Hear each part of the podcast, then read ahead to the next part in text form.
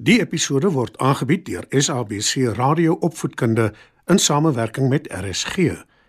SABC Opvoedkunde, Enriching Minds, Enriching Lives. Opskud. Skryf nader en kom luister en leer saam.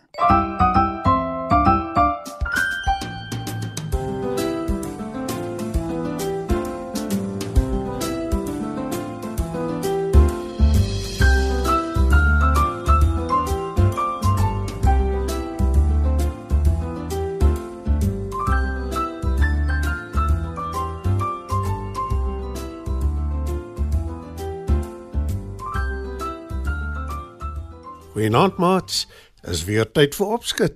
Vanaand se storie is Die duif en die kraaie. Skyf nader, dan vertel ek julle.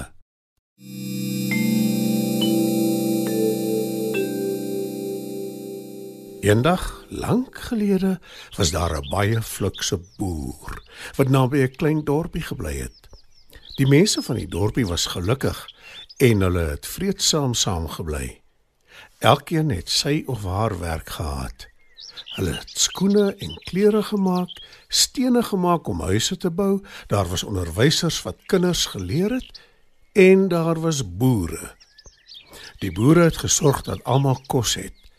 Elkeen van hulle het 'n stuk grond buite die dorpie waar hulle gesaaides, groente, vrugte, katoen, sonneblomme en nog meer plant.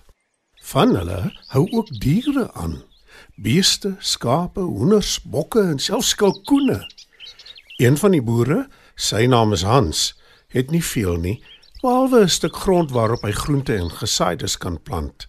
En dit doen hy gereeld want Hans spaar om vir hom eers net een koei en daarna nog 'n paar koeie en 'n bul te koop. Hy wil graag sy boerdery uitbrei en hy weet dat dit net sal gebeur as hy hard werk. Hans is goeie vriende met Susan wat op die stuk grond langs hom boer. Die tyd om te saai kom nader en die twee besluit om mekaar te help. Ek het besluit ek gaan koring saai. Sê Hans vir Susan. Dit groei vinnig en almal op die dorp gebruik dit om brood te bak. My vriend Petrus sal dit vir ons maal nadat ons geoes het. Antwoord Susan. En toe saai hulle eers koring op Susan se grond en daarna op Hans se. Ons het hard gewerk vandag. Maar dit was die moeite werd. Sê Hans aan die einde van die dag. Ek is moeg, maar baie gelukkig. Nou kan ons net wag om te sien hoe ons koring begin opkom. Beaam Susan. En die aand gaan slaap die twee moeg maar tevrede. Maar vir Hans loop dinge nie soos verwag nie. Die volgende oggend vroeg toe hy wakker word, sien hy hoe 'n klomp kraaie toesak op sy landery en die koringsade wat hy en Susan so sorgvuldig geplant het die vorige dag uit die grond uitpik. Hy hardloop soontoe en probeer die voëls verjaag. Sjoe, sjoe. Roep hy. Maar die kraaie steur hulle nie eers aan hom nie. Hans gaan sit moedeloos op 'n klip. Hy sommer lus en huil. Na ruk verander sy moedeloosheid in woede en hy gaan na Susan se huis toe.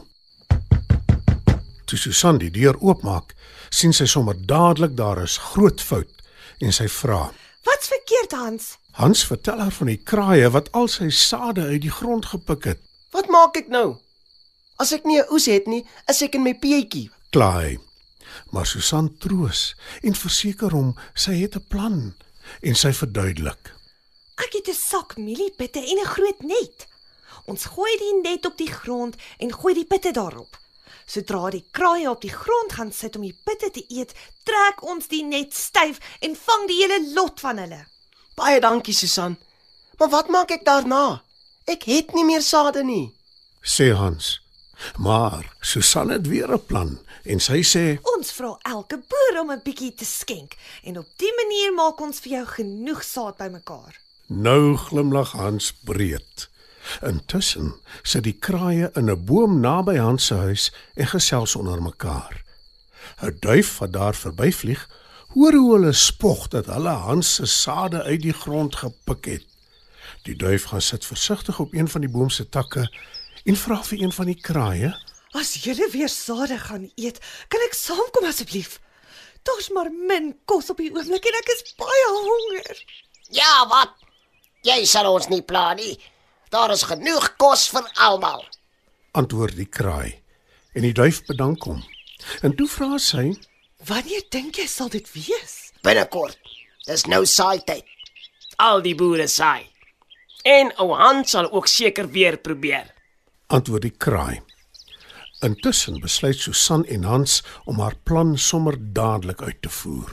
Sodra die kraaie die mieliepitte sien, sal hulle toesak. Dit beloof ek jou. Sê Susan terwyl hulle die net op die grond gooi, gevolg deur die mieliepitte. En sy is in die kol. Skaars het hulle die mieliepitte gestrooi toe die kraaie inderdaad toesak. Susan en Hans wag totdat al die kraaie op die grond sit en mieliepitte pik. Toe trek hulle die net styf en hulle vang 'n hele klomp van hulle. En natuurlik een duif. Die kraaie is baie ontsteld en een van hulle pleit om losgelaat te word. Ons sal nooit weer jou sade eet nie. Beloof hy. En Hans antwoord: Ek weet.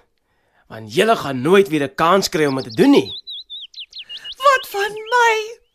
Ek is maar net 'n arme duif en ek het toevallig hier beland. Spaar my lewe asseblief. pleit die duif. Ons gaan julle nie doodmaak nie. Ons gaan julle net ver wegvat. Oor kan die berg daar aan die ander kant. Maar as julle dit waag om terug te kom, sal julle beslis nie weer so gelukkig wees nie. sê Susan.